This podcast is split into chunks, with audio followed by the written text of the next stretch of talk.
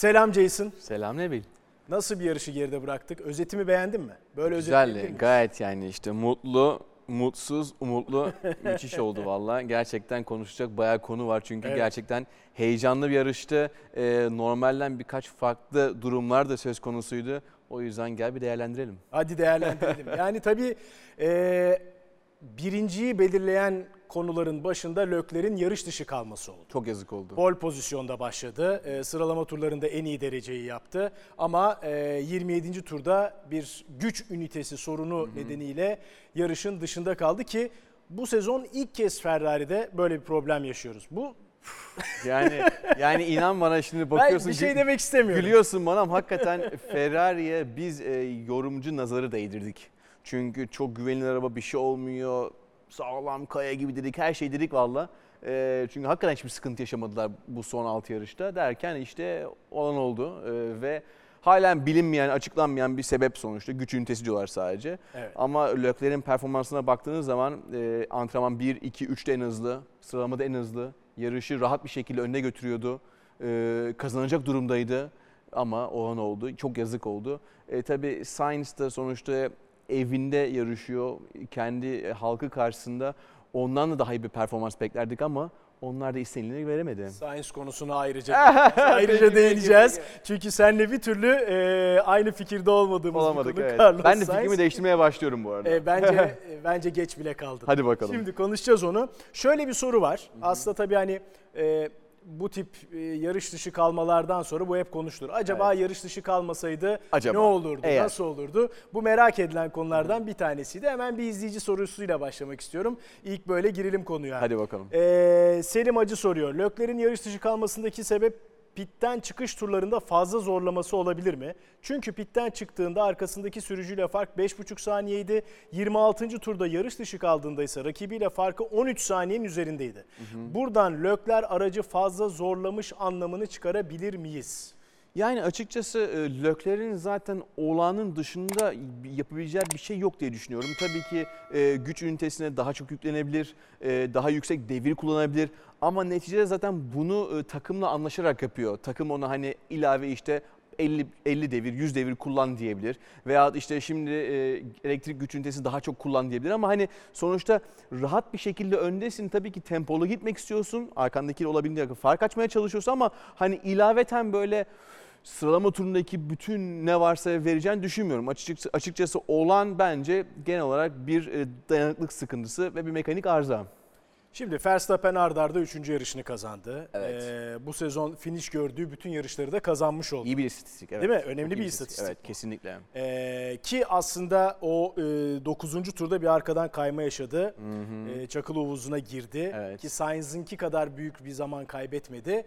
Ee, ve 3 pit stop stratejisi burada Verstappen'in galibiyetinde önemli noktalardan biri oldu sanki. Bence de e, bu arada evet dediğin gibi e, Verstappen'da tıpatıp aynı virajda aynı sıkıntı yaşadı. Arkadan kaydı. Muhtemelen o esnada anladığım kadar radyodan dinlediklerime Evet. e, göre arkadan bir anda bir rüzgar esintisi oldu ve tabii biliyorsunuz bu araçlar çok aerodinamik baz, bağlı araçlar oldukları için herhangi bir aksi rüzgar gerçekten aracın dengesini bozabiliyor ki ki zaten bu da Verstappen ve Sainz'in başına geldi ama Sainz e, Verstappen'e kıyasla toplayamadı, spin attı ve çok vakit kaybetti.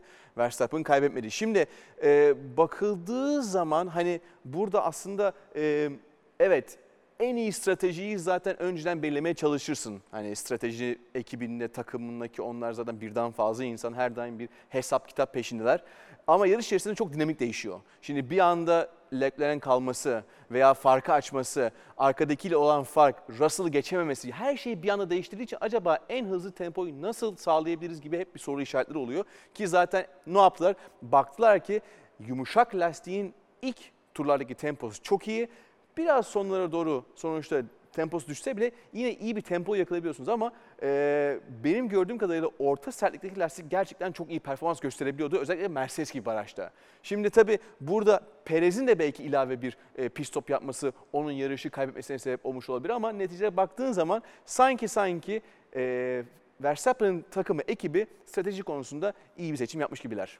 Tabii Verstappen de aslında yarışı evet birinci bitirdi. Ee, 25 puanı cebine koydu. Şampiyonu da öne geçti. Leclerc'in Evet. önüne geçti ama o da sorunsuz bir hafta sonu geçirmedi. Yok. Ee, yani sıralama turlarında e, ikinci turunu tam atamadı. Bir hata DRS. yaptı. Ee, yarışta DRS sorunu yaşadı. Çok Evet. ilginç konuşmaları tanık olduk o sırada yarış sırasında. Ee, yani bayağı öfkelendi Max Verstappen. Ee, haklı da olarak belki. Ee, yani ama tabii orada 23. turdaki konuşma ilginçti. Max sanırım en son DRS noktasında kanadı sen kapattın dediler. O da çünkü sistemin çalışması için 50 kere basmam gerekiyor dedi. Çok sakin bir şekilde Max lütfen curb sonrasında sadece bir kere bas. Evet yani bu aslında o anki yaşadığı harareti çok net bir şekilde anlatıyor ki zaten telsiz konuşmalarında sesli bir şekilde duyduk bunu. Şimdi Bol bipli. Evet yani e, bir de şöyle bakılması lazım. Zaten e, psikolojik olarak bir adım arkadasın şu anlamda sıralama turlarında bir sıkıntı yaşadın. Pol pozisyonunda giderken turunu bu sebepten dolayı bitiremedin. Aslında DRS çalışıyor sanki ama doğru zamanda basman lazım gibi gördük. Buna ilave olaraktan her seferinde açıyordu sonra tekrar kapatıyordu. Çünkü muhtemelen o birden fazla kere bastığı zaman ikinci basışında muhtemelen kapatıyordu ve kapanmasına sebep oluyordu. Her seferinde hani bas Niye açılmıyor bu deyip bu, bu ne bu neye benziyor biliyor musun? Asansörü çağırırsın ya, çok kere basarsın ya, çok kere bastığın zaman daha hızlı geleceğini düşünüyorsun. Bu da çok kere bastığın zaman açılacağını düşünüyor gibi herhalde bir yorumladı kendisinde. Ama e, aynen okuduğumuz gibi zaten takımı diyor ki lütfen körbden sonra bir kere bas, açık kalsın. Frene bastığın zaman zaten kapanacak tekrar. İlginç bir psikoloji ama. iyi vurmadı. Hani bir de öyle vardır yani Evet, bir evet. televizyona vurursun kendine gelir da var, çalışsın diye yani iyi O da vurmadı. muhtemelen o öfkeyle tabii ki her daim basıp düşündüğü gibi de kapatıyordu aslında. Ya e, ilk programın başındaki hani o soruyu da şimdi ekrana getireceğim konuştuğumuz. Yani acaba ne olurdu? Evet, acaba evet. ne Hep olurdu? Acaba eğer, nasıl olurdu? acabalar. Öyle de bir e, soru var. İlk sorumuz Lökler zorlamasaydı ne olurdu veya sebep zorlaması mıydı? İkinci soruda acaba Verstappen DRS sorunu yaşamasaydı Ahmet Kur'an soruyor ve Lökler yarış dışı kalmasaydı sizce Verstappen bu tempoyla Lökler'i geçebilir miydi? Şimdi şöyle bir şey netleştirelim. Leclerc'in zaten temposu Verstappen'dan daha iyiydi. değil mi? Ee, her daim farkı açabiliyordu. Ee, ve bakıldığı zaman zaten yarışı muhafaza edebiliyordu. Yani yarışı bir nevi koruyabiliyordu, yönetebiliyordu. Şimdi zaten elinde öyle bir güç varken ve önünde hani 10 saniye, 15 saniye gibi bir fark açmış, açmışken zaten bir nevi böyle arkadaki ne yaparsa ben onun aynısını yaparsam zaten yine aynı şekilde önüne çıkma ihtimalim var. O yüzden muhtemelen eğer ki eğer ki Bu koşullar o oluşsaydı. oluşsaydı eğer ki Lökler pist yolun dışına çıkmamış olsaydı muhtemelen yine birinci bitirirdi.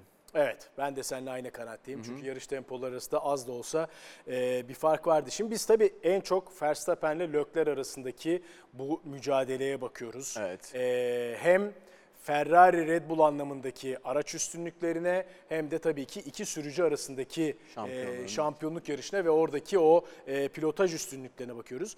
Geçtiğimiz bölümden sonra e, bizim e, altta yapılan yorumlardan bir tanesi çok dikkatimi çekti. Biraz belki bize de eleştiri ama üstüne konuşabiliriz Sıkıntı bence. eleştirmek Evet. iyi bir e, şey. Tabii tabii. E, çok olumlu ve olumsuz. e, genelde olumlu oluyor. Evet. Sağ olsunlar. Teşekkür ederiz.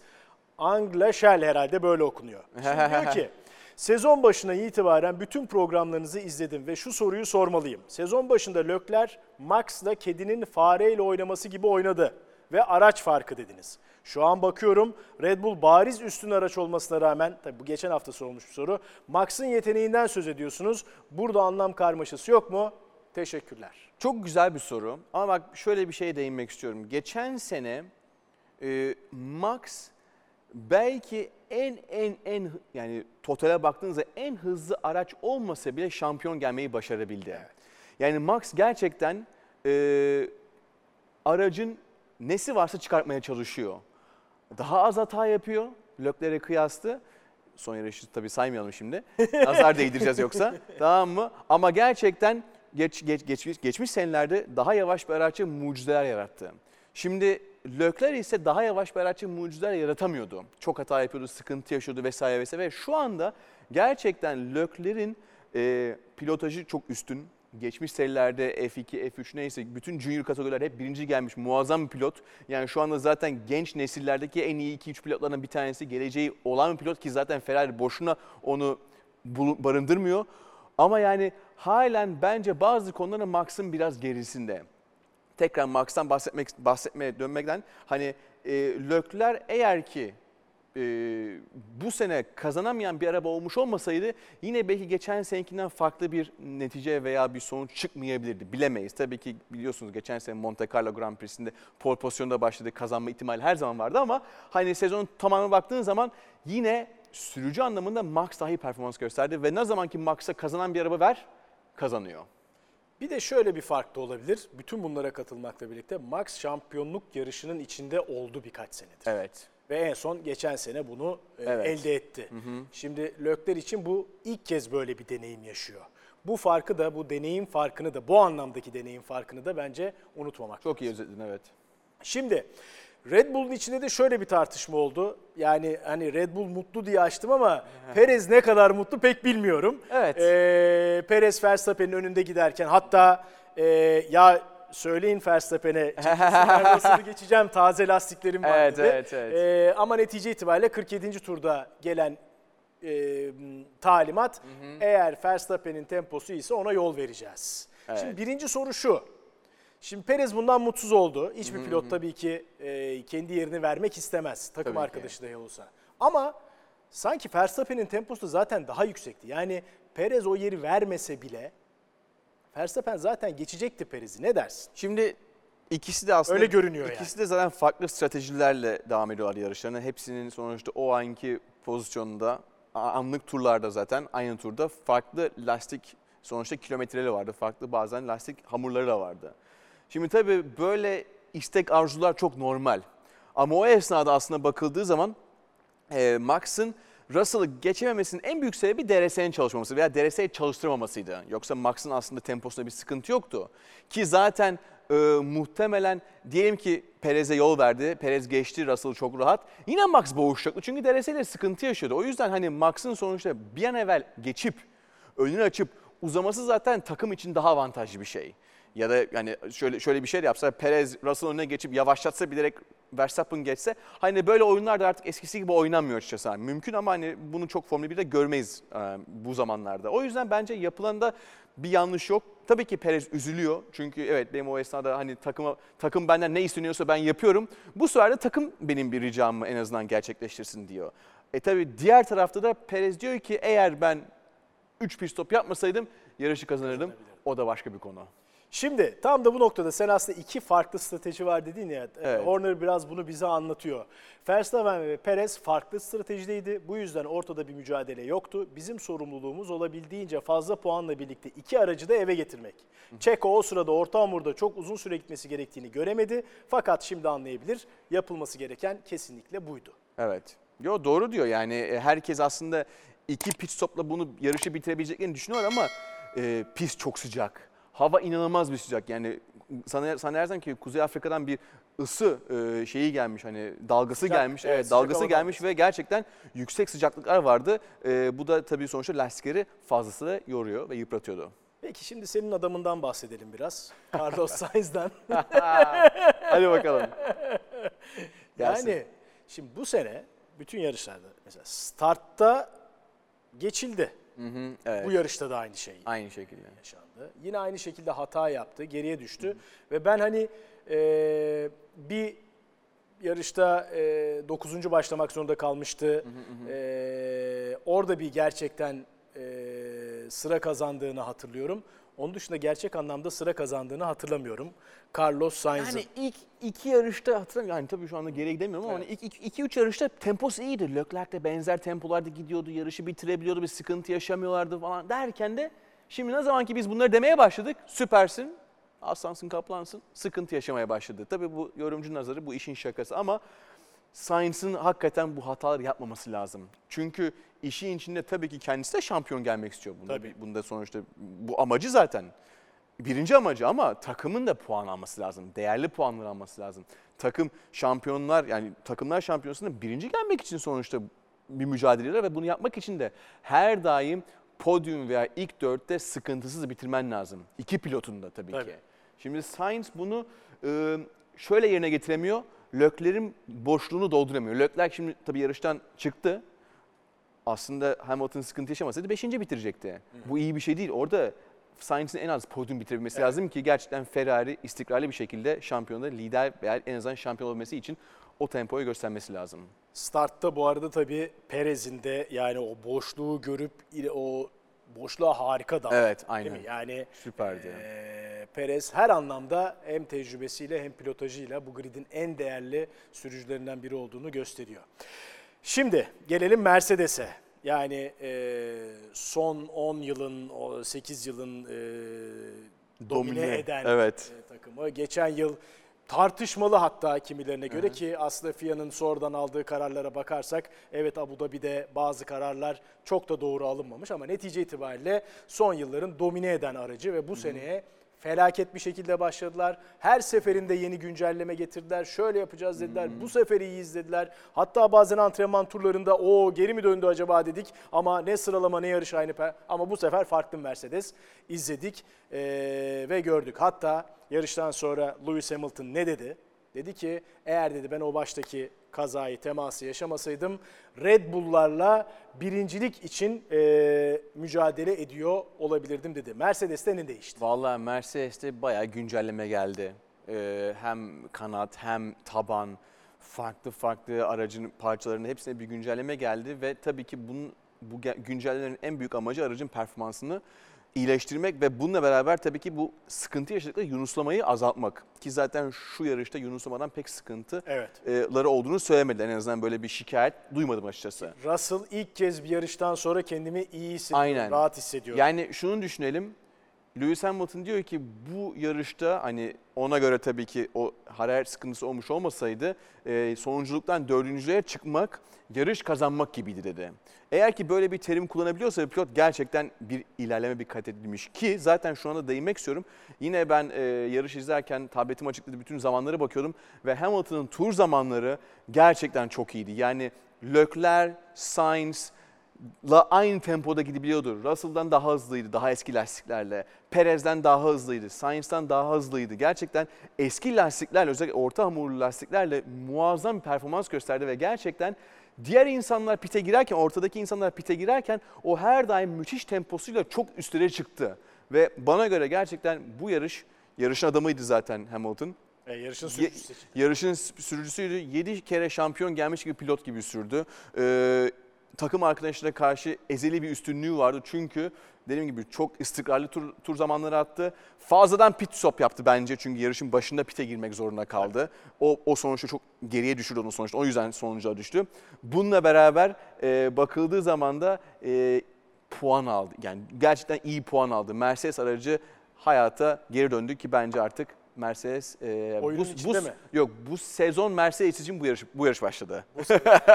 Aynı kanaati. Hatta en hızlı tur zamanlarını da imza attı yarış. Evet için. yani, evet son bu olarak son olarak en hızlı tur zamanı yapmıştı. İşte 24-2 idi. Ondan sonra Perez ondan bir 3-4 tur sonra aldı diye yanlış hatırlamıyorsam 24-1 ile yani sadece Red Bull'un yaptığı en hızlı tur zamandan 0.1 saniye yavaştı Mercedes aracı. Ki Perez'i de özellikle pite sokup lastiklerini yenileyip hani hı- en hızlı tur zamanını Aynen. atsın diye Aynen öyle. bütün plan e, yarışın sonu. Daha hafif bir arabayla, daha kauçuklu bir pistte, daha iyi bir ortamda sıfır sadece 0.1 hızla atabildi. Peki şu tabana bir bakalım. Yani e, özellikle yunuslama dediğin Evet. gibi. e, Hep bir sıkıntıydı onlar için. Zıplama, yunuslama her ne dersek diyelim Mercedes'in çok büyük problemiydi. Ama bu sefer onu gidermiş görünüyorlar. Barcelona, e, Katalunya pisti Miami gibi değil. Şimdi aslında Evet. Miami'de de antrenman seanslarında değil mi? Aa ga- Mercedes geri mi döndü dedik ama pek öyle olmadı. Tabandaki Evet. farklılık e, daha öncekine göre Yani şimdi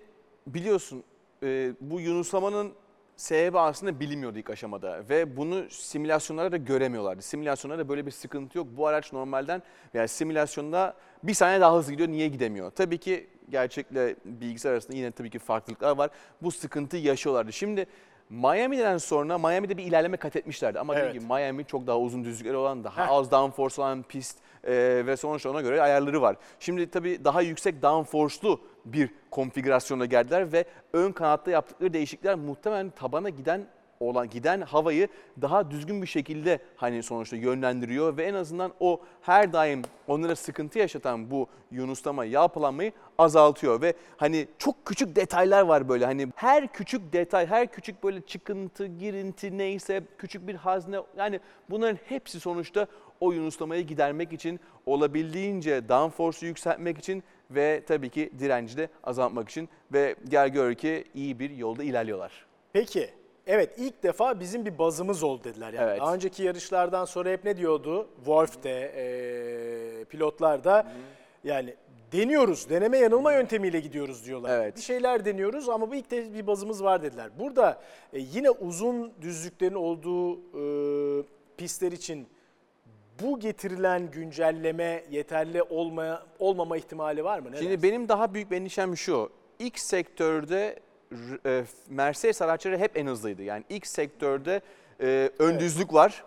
İlk 2-3 viraj var sadece. E, tabii ki frenaj ve yine yüksek downforce, yani az da bir olsa downforce'un önem yani teşkil ettiği bir e, sektör ama uzun düzlük işin içinde burada kritik. O ön düzlük, e, bir kilometrelik düzlük. Şimdi e, demek ki burada Mercedes sürat anlamında yani son sürat, yüksek sürat anlamında bir şey bulmuş. Çünkü ilk yarışlarda ne diyorduk hep Mercedes'in düzlük sıkıntısı, Evet. sürat sıkıntısı var diyorduk ama burada onu çözmüşler. Hatta hatta belki daha çok downforce verip belki diğer sektörler daha hızlı olabilir bilemeyiz. Şimdi benim burada biraz endişelendiğim şey tabii bir sonraki yarışa bakmak istiyorum şu anda.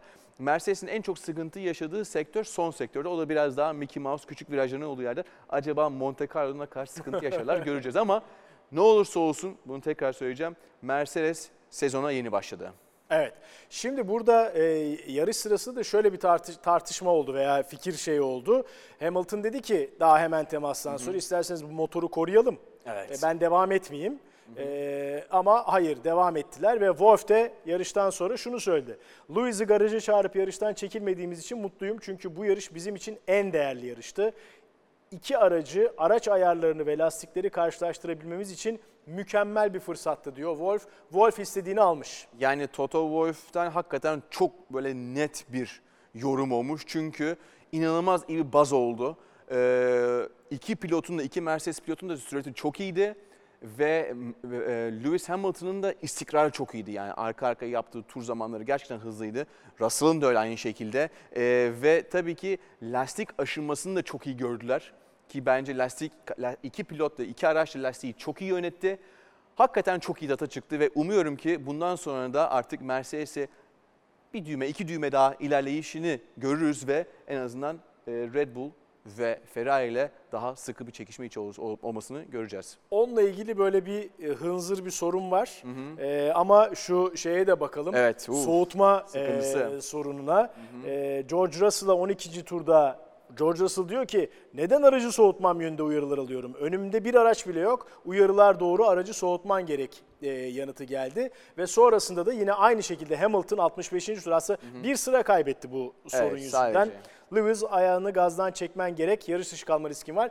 Ki Verstappen'e de hatırla e, yine e, yarışın içinde ayağını düzlüklerde biraz gazdan çek soğutma problemimiz var diye Red Bull'dan da böyle bir uyarı gitmişti. En son Mercedes'in de yaptığı açıklama su Yani- sızıntısı. Evet şimdi çok ilginç tabii e, Russell böyle bir sıkıntı yarışın başında yaşıyor. E, Lewis Hamilton yarışın sonunda yaşıyor. Tıpatıp aynı sıkıntı mı zannetmiyorum açıkçası. Çünkü eğer ki bir e, Lewis Hamilton'da olduğu gibi bir e, su sızıntısı olsaydı radyatörde Russell'ınki çoktan bitmiş ve motor sonuçta iflak etmiş olurdu zaten. Şimdi e, belli ki bir sıkıntı var burada e, ve çözülmesi lazım ki muhtemelen çözeceklerdir. Benim aslında daha çok endişelendiren şey Lewis Hamilton'ınkini değil Russell'ın acaba sıkıntısı neydi? Çünkü normalde Russell'da dediği gibi önümde kimse yok nasıl arabam ısınabiliyor? Yani normalde önünüzde bir araç olduğu zaman yakın takipte bulunduğun zaman tabii önden bir rüzgar gelmiyor.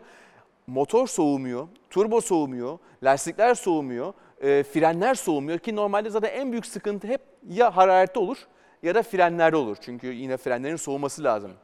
Ama ilk defa önünde birisi olmadığı zaman motorun ısınması gerçekten çok ilginç bir durum ve daha sonrasında nasıl düzeldi tabii bunu bilmiyoruz. İlginç bir konu bakalım bir sonraki yaşlarda ne olacak?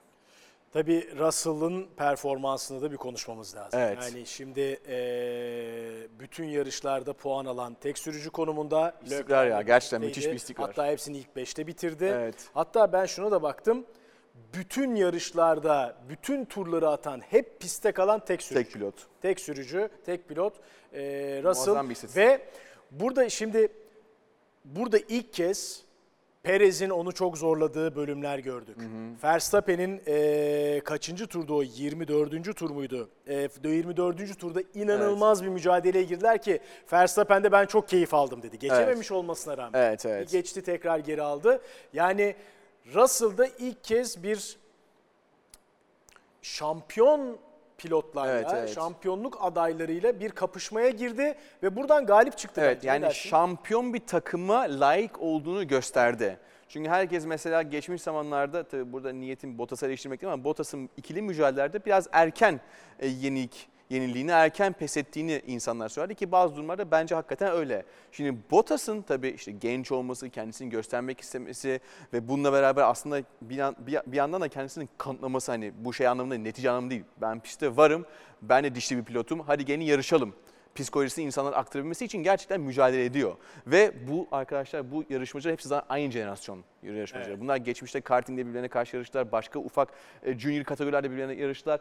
Ve geçmişte de bu tür didişmeler, çekişmeler oldu. Burada da görmek zaten çok güzel.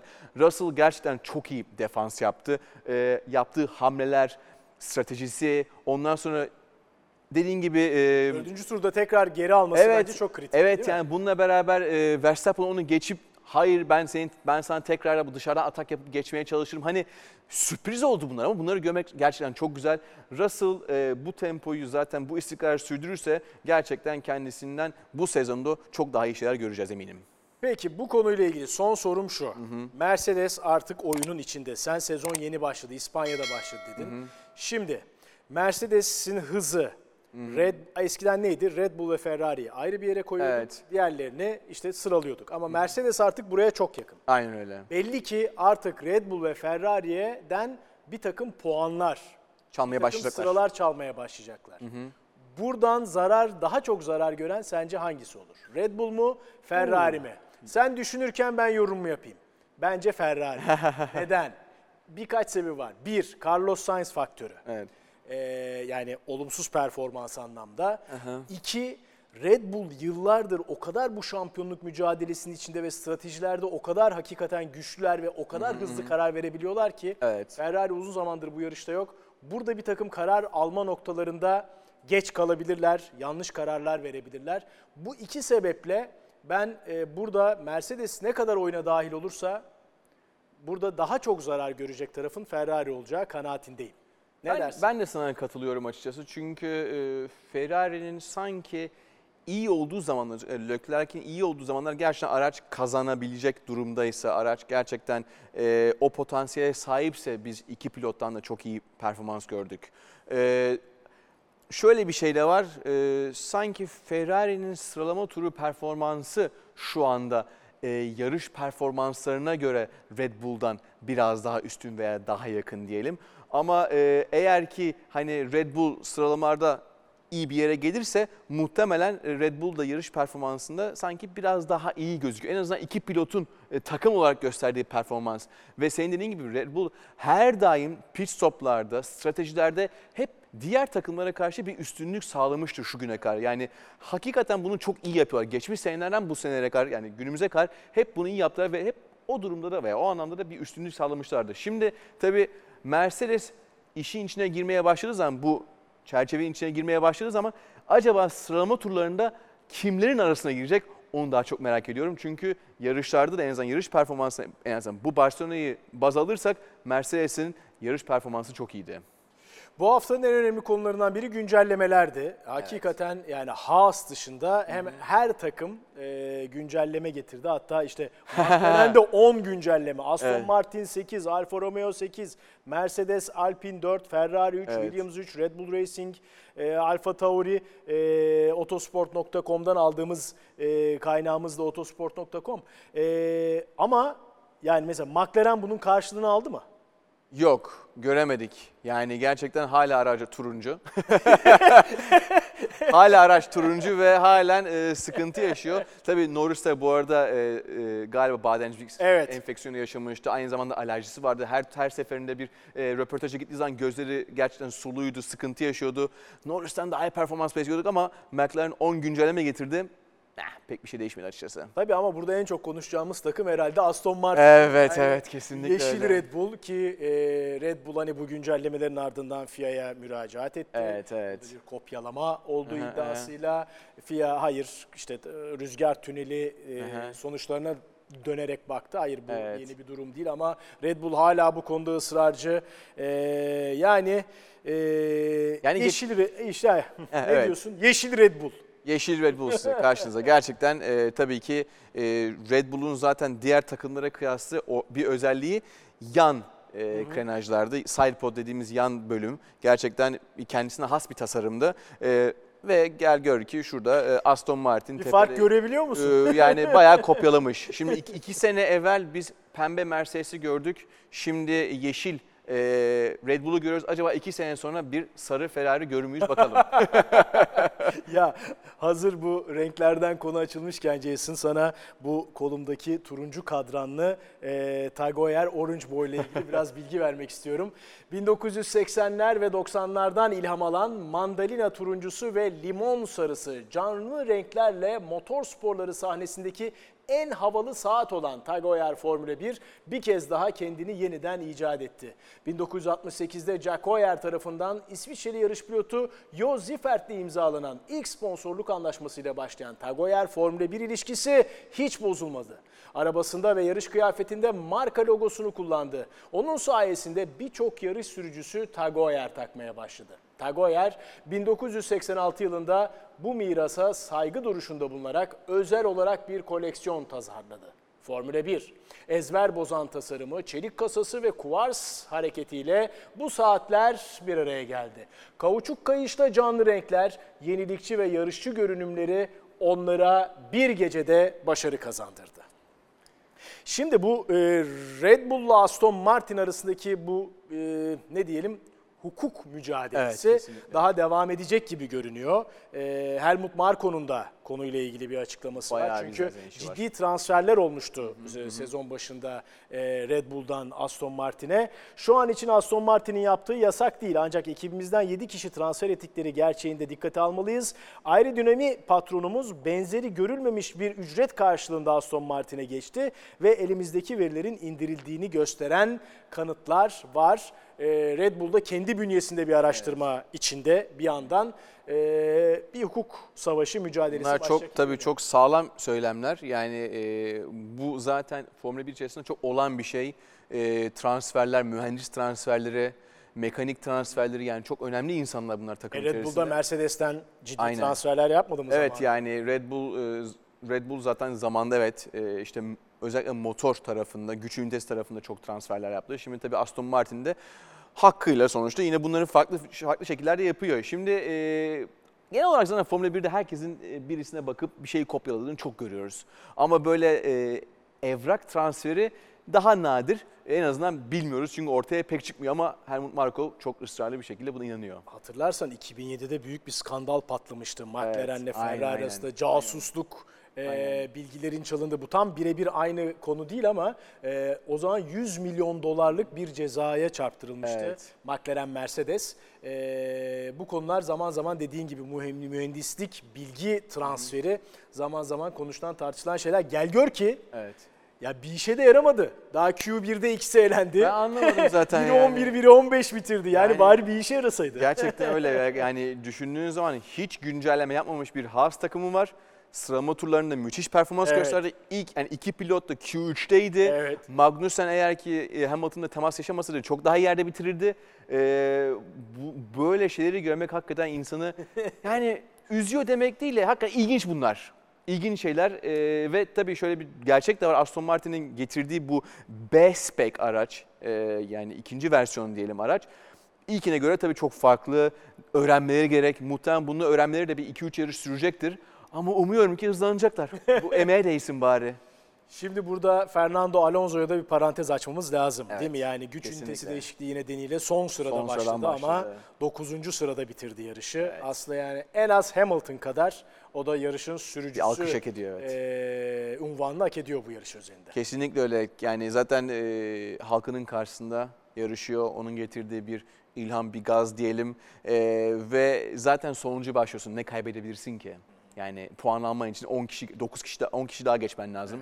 E, 10. bitirmen lazım ki puan alasın.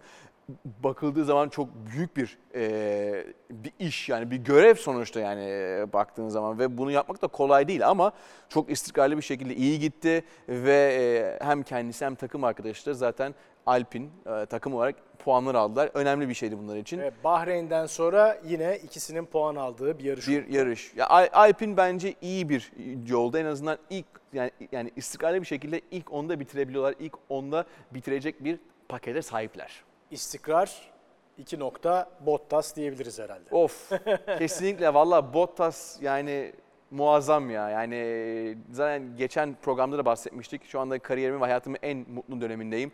Gözüküyor. Yani bu araçla harikalar yapıyor. Ee, en azından sıralama, sıralama turlarında attığı e, performansı yani iyi turlar ve yarışta sonuçta aynı şekilde gösterdiği performans gerçekten çok iyi. Yani Bottas e, bir nevi şu anda kendi içine parlıyor. Puan durumuna bakalım biraz. Bakalım. Yani tabii işler değişti. Evet. Artık direksiyona Red Bull'lar Evet. geçti. Ee, Red Bull Racing markalar klasmanında 195'e 169 Ferrari'ye üstünlüğü var. Mercedes arkadan geliyor 120. McLaren, Alfa Romeo, Alpine, e, Alfa Tauri, Haas, Aston Martin ve Williams'ın da 3 puanı var. Sürücüler klasmanındaki duruma da hemen bakalım. Orada da e, Verstappen Lökler'in önüne geçti. 6 puan farkla. Perez 3. sırada. Russell'la Perez arasındaki fark da çok değil. E, Sainz Hamilton'da bakalım yukarıları daha zorlayabilecek mi? Mercedes'in bu e, hızlanmasından ve e, güncellemelerinden sonra. E, Formula 2'de de Cem Bölükbaşı Evet. İki yarış sonra tekrar döndü. Talihsiz bir kaza geçirmişti. Evet, evet, evet. E, Problemler yaşamıştı. Bu yarıştaki performansı belki çok iç açıcı değildi ama bence dönmüş olması bile değerli ve kıymetli. Kesinlikle öyle. Sonuçta Cem Formula 2'de yarışıyor. Şu anda orada e, 20 tane pilot var ve hepsi de Formula 1'e gitmek için bir ezeli rekabet içerisindeler. Cem de açıkçası o pirana havuzu içerisinde e, sonuçta mücadele havuzu? ediyor. Pirana. Pirana havuzu. Pirana havuzu içerisinde mücadele ediyor. Şimdi tabii iki yarış kaçırmış olması, antrenman kaçırmış olması e, hakikaten sıkıntı. Böyle bir tempoda, böyle bir yüksek seviyede böyle kaçırmalar, kilometre eksikliği yaşamak gerçekten e, kabul edilemez. Çünkü hakikaten geriye düşüyorsun. Ama e, Cem zorlu şartlar altında gerçekten yarış çok sıcaktı, yarış zordu, uzundu. iki tane yarış yapıyorlar. E, yine e, belki beklenen performansı gösteremedi ama yine bir sonraki yarışları için umut ve ümit vaat ediyor ve umuyorum ki bir sonraki yarışta daha iyi gider. Bir sonraki yarış tarihi bir pistte. Of, Monte of, Carlo'da of, evet. Monaco Grand Prix'sini izleyeceğiz. Sen yine harika bir video çektin. Hadi izleyelim. İzleyelim. Motorspor dünyasının en prestijli yarışı olan Monte Carlo Grand Prix'sindeyiz bu hafta ve şöyle bir dipnot vereceğim. 1950 senesinden itibaren yapılan Formula 1 şampiyonasına en çok ev sahipliği yapan ikinci Grand Prix, ikinci pist. Pist demişken çok küçük, dar bir pist. 3.3 kilometrelik 19 virajlık Gelin şimdi rehberini yapalım. Hangi araçla yapacağız? Yerel kahraman Charles Leclerc'in aracına konuk oluyoruz. Ve onun aracıyla şu anda rehberi başlıyoruz. Evet start finish yüzündeyiz.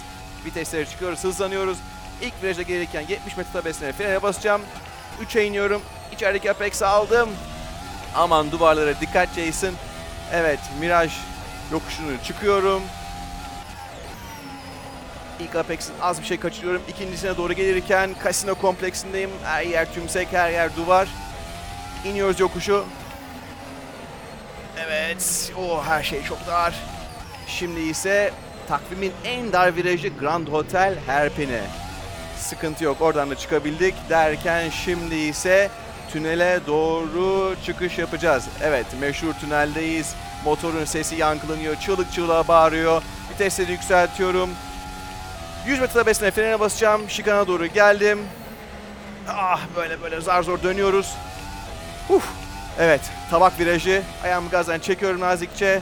Havuz kompleksine doğru geliyorum. Herkesin sıkıntı yaşadığı bir viraj. Ben yaşamak istemiyorum. Nazikçe geçiyoruz. Ve son önemli kritik viraj Raskas. Evet Raskas'ı dönüyorum. 18 19. virajı dönüyoruz şimdi. Huh. Ve temiz bir tur atıyoruz. Biliyorsunuz duvarlar her yerde muhtemelen duvara vurmayan bu yarışı kazanır. Umarım beğenmişsinizdir. Vallahi tebrikler yani e, Monte Carlo sokaklarında kaza yapmadan bir tur atmak bile bir başarı. Yani biliyorsun bu rehberi yaparken hani birkaç tabii ki denemek zorundayım ama ilk defa terledim. Çünkü o kadar çok şey oluyor ki bir anda e, tabii gerçekte de GP2 serisinde yarıştım. Gerçekten her daim işte bir duvara yaklaşıyorsun, bir Apex'e çıkmaya, yanaşmaya çalışıyorsun. Etrafında insanlar var. Neredesin? Yani hakikaten çok çok kaotik, çok şeyin olduğu bir pist ama bir o kadar da efsane. Efsane olduğu kesin. Peki bu hafta sonu kim efsane olur acaba sence? Yani hangi Ferrari mi daha avantajlı, Red Bull mu? Şimdi oyuna yeni katılan Mercedes mi? Yani downforce tarafında her zaman e, ve kıvraklık konusunda her zaman bir e, Ferrari üstünlüğü vardı. Yer, Verstappen şeyde bile İspanya'da bile araç dönmüyor evet. dedi. Aynen. Şimdi yerel kahraman Lökler tabii ki yine burada iyi gitme ihtimali çok yüksek. Yani ben açıkçası yine birinci pilotlardan bir şeyler bekliyorum ama bir yandan da Russell'dan da bir sürpriz gelebilir diye bir düşünce içerisindeyim. Sıralamalardaki performansını düşünürsün. Aynen öyle. Polü de alırsa diyorsun. Yani şu- yani Sainz'la Perez'i belki çok işin içine katmayacağım ama e, Leclerc, Verstappen, Hamilton ve Russell'dan gerçekten çekişmeli bir performans bekliyorum. Güzel. Umarım dediğin gibi olur Jason. Çok teşekkür ederim. teşekkür ederim. Monaco Grand Prix'sinin yorumlarıyla yeniden karşınızda olacağız. Görüşmek üzere. Görüşürüz.